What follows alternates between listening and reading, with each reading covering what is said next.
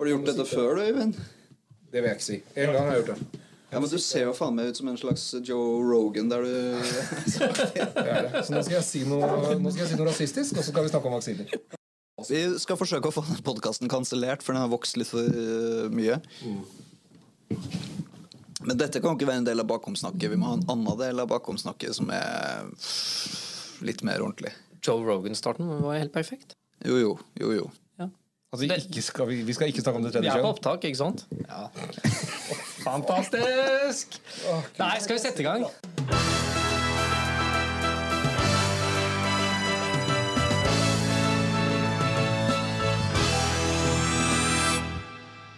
Ap eh, er den store taperen.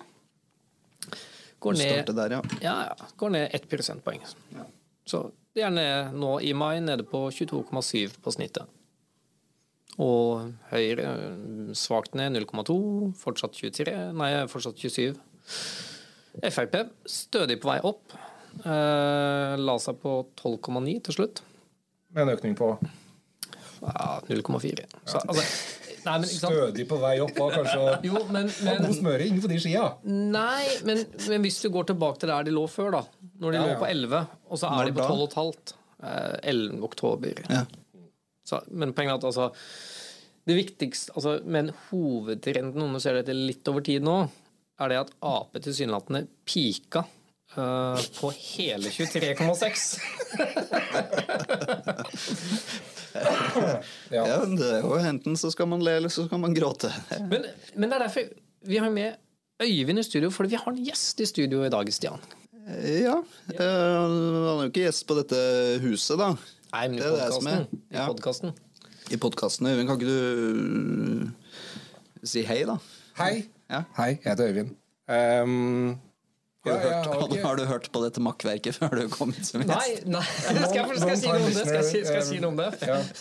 Fordi vi, vi satt og diskuterte hva slags tittel vi skulle ha ute i sted. Eh, og så foreslo jeg noe sånt som eh, Hva var det? Arbeiderpartiet er f***a. Hva faen er det som skjer? Eh, og, og så sier jeg sånn Hæ, kan vi ha det på en First House-podkast? Så sier jeg nei, ok, du har aldri hørt på Pod of Pulse før, du. Fordi dette er ikke strengt tatt en First House-podkast. Strengt tatt ikke. Dette er vårt uh, Vi har kalt det vårt sommerhus uh, her. Det er på en måte Eller uthuset. Bikkjehuset. Det er mer treffende, kanskje. Ja, det er kanskje mer det. Um, Men årsaken til at Øyvind er med, det er fordi at Øyvind, du har jo i likhet med Stian også bakgrunn fra Ap. Ja. Og i og med at eh, ting går som det går nå med Ap, så tenkte jeg at i stedet for at jeg med min høyre bakgrunn skulle det hadde vel du likt. Du skulle egentlig hatt denne episoden alene, du. Mm. Ja, etter den tittelen du foreslo. Så, ja, jeg solgte meg det. Så tenkte jeg at ok, vet du hva Nå får noen i Ap ha en litt sånn fornuftig samtale om hva er egentlig utfordringen. For det går vi tilbake noen måneder, så, ble, så var jo stemningen litt sånn Nå, nå har Jonas endelig blitt statsminister. Nå skal han få vise statsmannen i seg. Eh, så kom krigen i Ukraina. Og Først om strømkrisa. jo, jo, men, men så kom det, Absolutt, og det skal dere helt sikkert si en del om, men så kom krigen i Ukraina. eh, og hans eh, betydelige utenrikspolitiske bakgrunn kommer definitivt til sin rett. Han er jo veldig flink til å stå og forklare den verdenssituasjonen og alt mulig sånn. Men det ser ut til å ha vært en veldig liten oppsving av det. Så hva er de grunnleggende utfordringene til Arbeiderpartiet akkurat nå? Er dette en slags invitasjon til at noen skal snakke sammen? Det, hva skal jeg si? Litt sånn ufordekt eh, det behov for at noen snakker sammen? Ja, eller er problemet at eh, ingen har snakket sammen? Altså. Eh, Det er jo noen som har eh, skrevet om det, jeg husker ikke hvem det var, men det er jo nettopp den derre um, saken som gikk da med Hadia og LO og alt det. Ja, begynte det da? Nei, men eh, det er noen symptomer som ble synlige i den saken, som har vært omtalt i media, om at eh, det eh, nok var kanskje ikke så god dialog mellom LO og SMK og Arbeiderpartiet som det det har vært i tidligere faser. Eh, og det ble eksemplifisert med at eh, Jonas på LO-kongressen skulle holde takk for maten-tale, og det hadde han ikke fått beskjed om. Som er et banalt eksempel, men egentlig også litt treffende. Og utfordringen er jo nettopp det, da. Når man ikke snakker godt nok sammen i det triangelet, man kan kalle det. Der hvor du liksom har LO, og så har du SMK, og så har du partikontoret. Der hvor man bør være jævla godt koordinert både før, under og etter en valgkamp, og særlig gjennom en regjeringsperiode. Så kan det være litt harry å sitte i et kommunikasjonsbyrå og snakke om at kommunikasjon som er den eneste utfordringa her. Eh, Øyvind var inne på det. da. Det, hva skal jeg si, Den perfekte storm er over oss. Og den skal vel bare bli enda mer perfekt eh, hvis du kikker på de framtidsutsiktene vi har. Eh, prisvekst, renteøkninger, råvaremarkedet ute i verden, en krig, en energikrise som starta lenge før Russlands invasjon av Ukraina. Du har, du har alle disse her typen litt vanskelige sånn vanskelige sånne bevegelser i, som slår hardt inn i økonomien, og som Hva skal jeg si? Jeg vet ikke om det er Vanligvis så ville man tenke at liksom sånn motkonjunkturpolitikk var en paradegren for, øh, for i hvert fall for Arbeiderpartiet, men dette er en litt annen type motkonjunktur. Det går fort og går forferdelig bra i økonomien. Mm. Eh, så det handler om å spare penger, samtidig som du har et eh, prispush som er ulikt noe av det vi har sett på veldig veldig lang tid. Du så jo bare i i det vi spiller inn denne podkasten, så hadde vel sentralbanken i USA en eh, trippel renteøkning varsla i går. Mm. Det har de ikke hatt siden 1994. Så hva skal jeg si, det, den nye normalen Det var kanskje mange av oss som tenkte at vi skulle liksom gå rett over fra en verdensomspennende pandemi, den første vi hadde siden spanskesyken, Eh, og over i en liksom økonomisk boost eh, uten noe mer eh, langtrekkende konsekvenser av nedstengning av verdensøkonomien gjennom to år. Og, og i tillegg oppå det hele en krig det, i det kontinentale Europa. Så hva skal jeg si det hjelper å snakke sammen. Du kan jo starte med det. Men det slutter ikke der. Overhodet ikke. Men det er jo også politikkutvikling som skjer i en sånn ja, nei, nei, men altså, jeg er helt enig, Man kan jo ikke spinne seg ut av de faktiske forhold. Uh, som er det at uh, liksom, til syvende og sist veldig mye bunner nok i at de aller fleste nå føler at de får for lite igjen for sin egen innsats økonomisk sett. Uh, de opplever at ja, levestandarden går ned. Mm. Det er klart at altså, Uansett hvor flink du er med ord, så er det vanskelig å komme seg ut av det. Men da blir jo spørsmålet er på sikt politikken tilpassa at man kan komme seg ut av det. Uh, jeg, fordi jeg mener jo at de har jo f.eks. i henhold til Hurdalsplattformen og at SV er budsjettpartneren, så et, et, våpen som de i utgangspunktet kunne hatt, det hadde vært å kutte det samla skatte- og avgiftsnivået for, for, de fleste. Men det ser jo ut til å være veldig veldig vanskelig. Mm. Uh, også fordi at sant, det ligger noen tydelige politiske begrensninger på det. Og så kan og i dag så er grensa for om du kan få i hvert fall skattelettelse, er på 650 000. Men før valget i 2025 så ville det være veldig veldig mange mennesker som tjente under 650 000 ved valget i 2021, som kommer til å tjene 650 000 da. Mm. Ja, bare pga. de oppgjørene som vi er på vei mot. Ja, mm. ikke sant? Så jeg, jeg, jeg sliter litt med å se at de har noen sånn veldig grunnleggende forutsetninger for uh, at det skal gå bedre, med ett unntak. Og det er faktisk hvis du nå får en så uh, brems i økonomien at ledigheten begynner å stige igjen.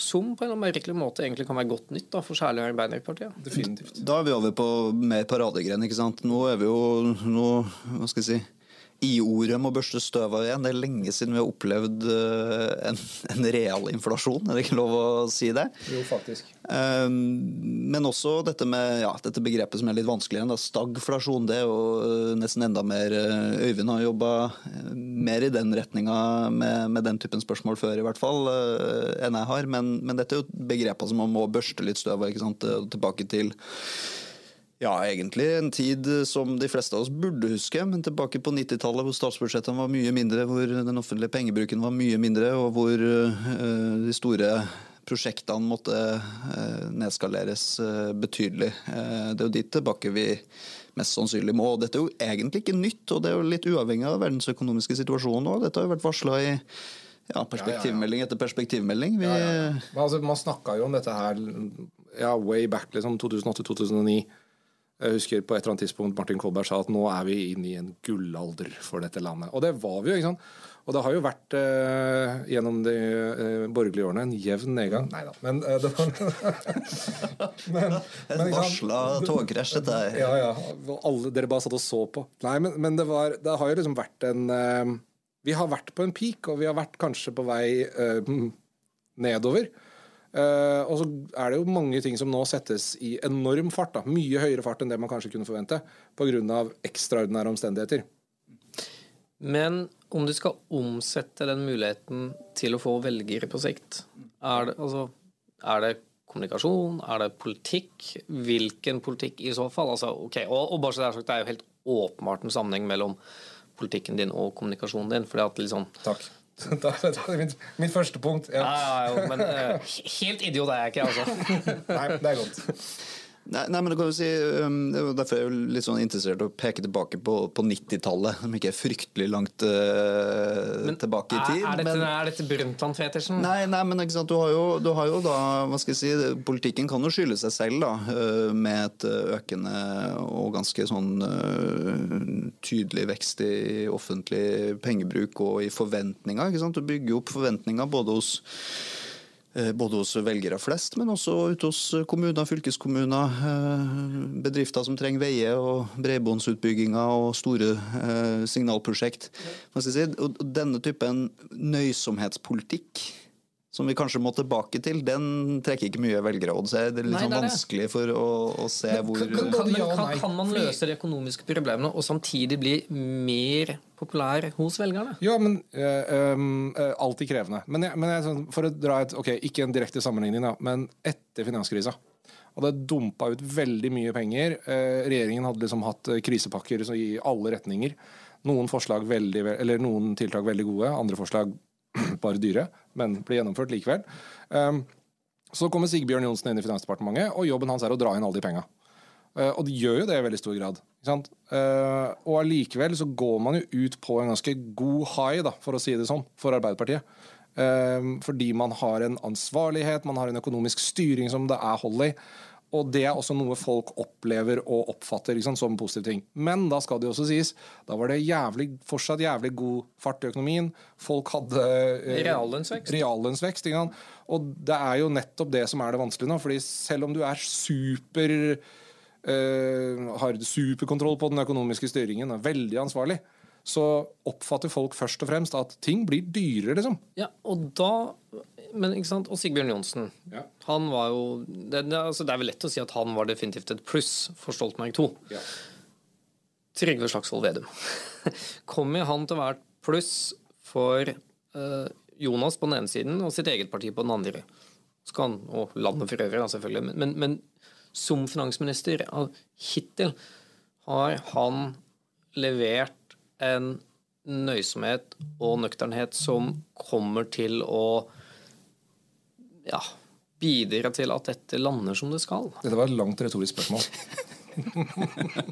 Ja, eller? Nei, nei, nei. nei. jo, nei men, men, men, men altså Det er jo veldig lett Du spør eh, kommer han til å være Sigbjørn Johnsen eh, for eh, Jonas Gahr Støre. Svaret på det er nok nei. Eh, og det reflekterer også en annen politisk situasjon i norsk politikk eh, i 2022 kontra 2012. Eh, så nei, han kommer ikke til å være det Sigbjørn Johnsen eh, var for Jens Stoltenberg. Men eh, du ser også en annen type Trygve Slagsvold Vedum som nå eh, må rundt og fortelle om nettopp perspektivmelding og eh, bevegelsen og utviklinga, de lange utviklingstrekkene i norsk økonomi som ser annerledes ut fra Finansdepartementet enn de gjorde fra Senterpartiets partikontor. Ja, Men betyr det at alvoret har begynt å synke inn også Vedum? Ja, men det tror jeg er jo åpenbart. Hvis du ser på noen av de prosjektene man kutter i nå, eh, så, så, så, så begynner jo det å demre. Det er jo klart en, å sitte med den posisjonen. Men klart, dette har vi snakka om før. Det er lovt mye. Det er lovt for mye. For mye. Og det kan man være ærlig på uansett hvilken politisk farge man har. Det er forventningene man har bygd opp, eh, og som har vært en del av den politiske kulturen de siste ti årene i Norge. eh, Det, hva skal jeg si, det må man jo bøte for, da, i motgangstid. Eh, for å si Det sånn, det er jo ikke veldig mange politikere som har tatt opp den fakkelen eh, for moderasjon eh, i det siste. Jeg har hørt Tina Bru har vært et godt eksempel på det. Men også Kari Elisabeth Kaski. Flere av de oppfordra til moderasjon og til å se på offentlig pengebruk ved flere korsveier de siste par månedene. Ja, men gjenspeiles det i budsjettpolitikken, enten du er en del av den faktiske budsjettpolitikken, som Kaski, mm. eller i den eh, hva skal vi kalle det, teoretiske budsjettpolitikken, som eh, Høyres alternative budsjett eh, til syvende og sist blir. Litt vanskelig å svare ja nei på det òg, med det jordbruksoppgjøret vi har lagt bak oss. Og jo, men jeg ja, syns det gir en ja. god indikasjon. Fordi jo, men, men, Høy, men, Høy, Høyre klarte liksom å kutte én milliard på uh, landbruksoppgjøret. Det er av 11 milliarder så er jo ikke 1 milliard helt voldsomt mye. Altså, det er et rekordstort oppgjør. Nei, sier du det? Ikke sant? I, i, i, i norgeshistorien er det sånn unprecedented, og allikevel så klarer Høyre da å barbere en altså, Nå er ikke jeg Høyre-politiker, men det syns jeg var dårlig av dere. Altså, Der burde dere kunne gjort en mer Høyre-jobb, da, for å si det sånn. Jo, men men det tror jeg faktisk også er litt sånn um, det, det, er jo litt av det som er fordelen med å sitte i opposisjon også. Og dette er ikke et forsvar for at man, lager, liksom, at man ikke hadde kutta mer. Jeg kan personlig si at det hadde vært fint å kutte mer. Mm. Men så lenge sant, Det primært etterlatte inntrykket er at finanspolitikken som føres av uh, Vedum og Støre, er med på å gjøre at folk har mindre inn i lommeboka, så er det ikke så vanvittig farlig om du selv ikke får til å kutte så mye mer, noen få milliarder til sammenligning. Nei, nei. Fordi, men, hvis, men, hvis, hvis men du, så lenge du ligger på nedsida Da er vi jo inne på kommunikasjonen din. Fordi det å ikke kutte gjør at du unngår å stelle deg laglig til for hogg. ikke sant? Fordi da må du møte Senterpartiet og forklare hvorfor du ikke vil gi de penga som det kan se ut som hele Stortinget er enig om at man burde gi, som jo er astronomiske summer. Uh, ja. Nei, men, men altså, sånn, Da er vi egentlig inne i, inne i kjernen. ikke sant? Uh, ja, kommunikasjon, Jonas. altså utenrikspolitisk åpenbart veldig tydelig og, og, sterk og troverdig i sin framtoning. Og så kan man sikkert eh, diskutere i det vide og brede hvordan det organisatoriske oppsettet på SMK, samtalene og i, si, i samarbeidskomiteen på Youngstorget fungerer. Eh, som åpenbart ikke har vært helt optimalt de siste par ukene. Nei, men, det, men, men, det hadde jo ikke løst men, til syvende og sist, da, ikke sant? jeg syns jordbruksoppgjøret er interessant, og hvorfor ikke flere klarer å kutte i det. Til og med ikke Høyre greier å finne mer enn en milliard å kutte det reflekterer jo alvoret i situasjonen. For disse bønderne bøndene, hvis du ser på det oppgjøret, så mesteparten av det handler jo om økte utgifter som, som, du ikke får dekt inn på andre måter enn å øke oppgjøret. F.eks. på gjødsel. Vi vet jo visst de siste par årene at det er fosformangel som du må ha for å lage kunstgjødsel. Det er fosformangel i verden. Se på FNs matvareindeks. Den har eh, aldri vært så høy siden den, eh, siden den ble innstifta på 90-tallet. Til, eh, til, de som måtte lure, så jobber nå Stian i matindustrien. ja, og da må man, da må man holde, holde, tunga beint i munnen og, og, og, og, se disse bevegelsene. Husk på, Sist disse indeksene var i nærheten av det det er nå, og nå er det himmelhøye. Det var i 2011. Det utløste den arabiske våren eh, pga. kornprisene i Egypt, blant annet. Så, og vi har en tørkesituasjon rundt Afrikas Horn. 300 000 somaliere er på, på flukt. Altså, dette er en kjempestor alvorlig internasjonal situasjon på matproduksjon og på, og på som, som, igjen påvirker prisene våre. Så selv om vi får mat i butikkene og hva skal jeg si, det som absorberes fra jordbruksoppgjøret inn i vårt hjemlige marked er ganske lite, så, så er dette ting man ikke kan styre over med nasjonale politiske virkemidler. Men da er jo kanskje et litt sånn interessant spørsmål på slutten. Vi, gitt at den type ja, kall det trender da, uh, gir seg politiske utslag, hvilke partier er det som er best posisjonert til å kunne kapitalisere på det? Min, min, hovedhypotese, siden, ingen av dere, siden dere to brukte altfor lang tid på å tenke Ja, ja. Eh, trekke pusten er ikke lov. Min, eh, min, jeg tenkte på hva jeg ville svare, og hva som var det riktige svaret. Det skal gå fort. Uh, min hovedhypotese er det at åpenbart, så lenge du har ansvar, dvs. Si Ap og Senterpartiet, er det vanskeligste for dem. Fordi at de kan kanskje tjene på det by the end of the day. hvis de klarer å lose dette i havn. Eh, fordi det er verdt å huske på.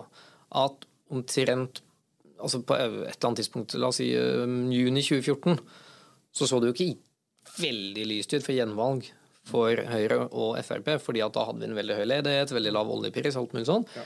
Og så snudde det. Og, AP, hele, og særlig Ap hadde bygd hele kritikken sin på ja, nå er det full krise i økonomien. Og så klarte de ikke å og så, og så ble krisen var, det, borte. Ja, så var det jo ikke det. ikke sant? Det så, så, så, Høyre kan jo nå i utgangspunktet kanskje gjøre litt samme feil som partiet gjorde i før valget 93, hvor det man snakka om var sånn ja, nå er det kriseøkonomien og renta altfor høy. Mm. Og så bare sånn kom du til valget, da, og så bare sånn Nei, det var ikke det. Uh, gjenvalg for Ap. Mm. Det, det, kan jo skje. Det kan skje. Og så vil du jo nå også få rigga en økonomi og rigga en politikk rundt denne kriseforståelsen og den krisesituasjonen vi står i. Og med en gang den begynner å avta, så vil, eh, så vil jo det merkes også i folks eh, private økonomi, og mest sannsynlig ute i, ute i næringslivet også. Og da er spørsmålet følger en takknemlighet. Men det, men, men, da er vi tilbake på, men det er en veldig viktig forutsetning, og det er det at det håndteres på en god måte, og effektene har lagt seg før, tidsnok før valget. Men hvis ikke altså Hvis liksom dette for, for du som du sier, her er det også veldig mye internasjonale forhold som spiller inn som er vanskelig. Opposisjon er vel de som i hvert fall per nå, på målingene som kommer til å komme de neste månedene, er best posisjonert. Men hvilket opposisjonsparti er best posisjonert? Ja, og Hvorfor er det best posisjonert? Fordi det, det, er jo litt sånn øh, hva skal jeg si, i fravær av ansvar, da, og fordi du husker tilbake et års tid og at øh, ting ikke var så halvgærne da. Øh, og Prisene var til å håndtere. og Bensinen var litt billigere og matvarene var litt billigere. Hold det liksom i fire år? Det tror jeg ikke. Nei, det gjør det ikke. Så, så hva skal jeg si det kapitalisere mest på det. kommer jo veldig an på hva, hva, som, hva som, skjer videre. da. Jeg tror vi kommer til å se SV kapitalisere på den situasjonen vi er inne i nå. Ja. I hvert fall på de neste liksom, rundene da, politisk. Fordi de står jo um, i en særstilling på Stortinget. Regjeringspartiene må gjennom dem. De, kjør, de har kjørt det jævlig hardt i RNB-forhandlingene nå. Det blir nok ikke noe bedre i budsjettforhandlingene som kommer uh, i oktober, liksom. Så jeg tror at eh, det er de som kommer til å uh, lettest kunne slå mynt på den situasjonen man er i. Mm. Definitivt. Men igjen, jeg tror ikke det kommer til å nødvendigvis bære helt fram til valget, for det kommer jo også an på hvordan, hvordan regjeringspartiene kommer til å forholde seg til Stortinget. For hvis situasjonen med SV blir for krevende, og det kan faktisk skje, så kommer de til å begynne å kjøre slalåm. Og da blir det annerledes. Så er det jo litt harry, da. Men kommunikasjon skader ikke her. Eh, jeg tror i hvert fall all den tid du har en så vanskelig situasjon hvor folk oppfatter at uh, verden og økonomien er utrygg, og ja, du ser det på måling etter måling at tilliten til framtidsutsiktene for norsk økonomi den, den synker, så, så, er det viktig at en regjering også evner å kommunisere med disse tre litt forslitte hode, hjerte, hender. Uh, hva er det du gjør, hvordan er det du analyserer situasjonen, og hvorfor gjør du sånn som du gjør. Mm. Der kan regjeringa bare bli bedre, tror jeg. Ja, fortelle den store historien. Men jeg, jeg, mener jo også litt av den store historien har man har man mangla litt uh, på vei inn i regjeringsarbeidet. Ikke sant? Det var veldig mye av det, eller i hvert fall det man snakket om, da, uh, var liksom veldig mye hva som skulle reverseres av den forrige regjeringspolitikk, og ikke nødvendigvis hvorfor det var så jævla viktig å reversere det, og hva man skulle skape istedenfor. Og når man da går inn i en situasjon som er ganske prekær for mange husstander altså. altså Når jeg sitter på middag med vennene mine, og de begynner liksom å snakke om renta, og er liksom bare, nå begynner de å bli bekymra. Og faen meg begynne å betale ned lån, for dette her kan jo bli et problem. Um, da er ikke opp oppdeling av Viken fylkeskommune eller reversering av domstolreformen viktig for noen i det hele tatt? Liksom. Nei, nei, men, men, du har jo noen knagger, ganske mange gode knagger, kommunikasjonsknagger for en regjering å bygge videre på nå. Forsvarsbudsjettene må styrkes, det har du en ganske god og tydelig grunn i øst eh, til å gjøre. Mm. Og en anledning til å forklare hvorfor. Eh, du har gode forklaringer på hvorfor store, dyre prosjekter må nedskaleres og gjøres på en mer nørtøftig og, og, og, og, litt mer skikka måte, eh, slik at skattebetalernes penger blir ivaretatt. Eh, og du har gode eh, forklaringer på hvorfor, hvorfor etter- og videreutdanning i arbeidslivet, inkludering og integrering i arbeidslivet er viktig. Det er på en måte, hva skal jeg si, Knaggene finnes der, og de kan bli bedre når det kommer til et sånt nullpunkt hvor alle kriser har ramma på, på rekke og rad.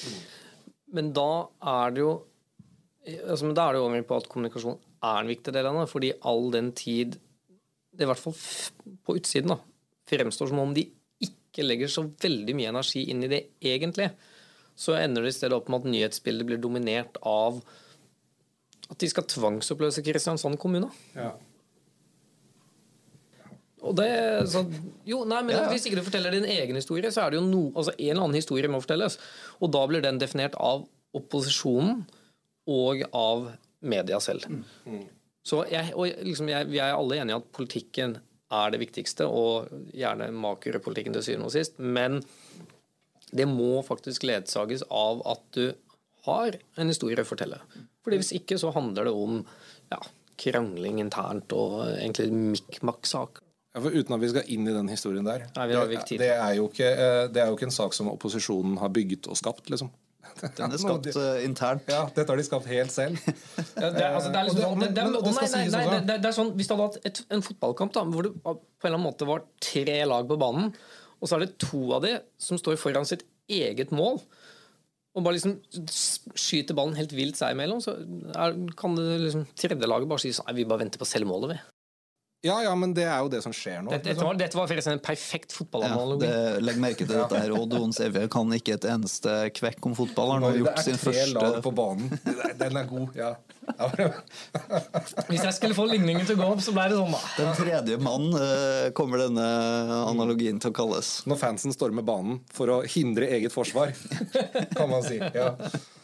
Ehm, nei, men altså, Vi skal ikke gå inn i den saken, men jeg er veldig enig med Stian. Det der er liksom, det er skapt selv. Eh, Det er skapt eh, Ja, gudene veit hvorfor. Det er mange teorier. Eh, Men jeg tror du har helt rett i at det er mange det, altså, Deler av opposisjonen kan jo nå nesten bare lene seg bakover og uh, vente. Og så skal det sies at vi hadde situasjoner under den forrige regjeringen også, der hvor dette var tilfellet. Der hvor det oppsto sånne saker. Og man kunne prøve å sitte så mye i ro som mulig og la regjeringen eh, skyte på hverandre. Det var veldig, veldig gøy. Det skal jeg innrømme. Ja, Det er alltid gøy når man er på den siden som ikke blir utsatt for det. Eh, skal det sies, Jeg tror det er hvert opposisjonsparti som ikke likevel bruker en periode som dette til å jobbe med noe som kanskje ikke er så synlig, men ordentlig med politikkutviklingen for å ha gode svar på både de spørsmålene som er litt akutte her og nå, men tenke litt inn i krystallkula, hva som er viktig de neste årene. De gjør seg selv en bjørntjeneste, fordi på et eller annet tidspunkt så går disse kalde politiske dramaene over, og så er vi med på den liksom hverdagspolitikken. Og hvis ikke du da sitter med noe ordentlig svar, så har du et problem. Ja, skal, men, men altså, bare en, en, en siste lille refleksjon rundt dette. dette det vi får se nå, hvor vi, altså vi får testa det politiske Norges evne til å håndtere veldig mange ting på samme tid. Eh, både embetsverk og, og politisk ledelse i egentlig mer eller mindre alle departement skal håndtere en, eh, ja, det var en flyktningsituasjon med noen hundre tusen ukrainere som plutselig skulle bosettes, i tillegg til at du hadde ettervirkningene fra covid, pluss at du hadde har nå den energikrisa og strømpakka som skal utvikles, i tillegg til krisepakka og ledighetspakka og det ene og det andre. sånn at jeg tror jo f.eks. en type Kristiansand-saka som dette her er også resultat av at du har en overanstrengt og overarbeida eh, gjeng på toppen som eh, får mindre tid til å bruke på, på, på intern forankring og, og interne prosesser, men som må håndtere krisa istedenfor. Da, da blir interne prosesser dårligere og får eh, mindre fokus, og du får lettere sånne type saker. Da hadde det jo selvfølgelig alltid hjulpet om noen hadde snakka sammen. Den som måler, får se.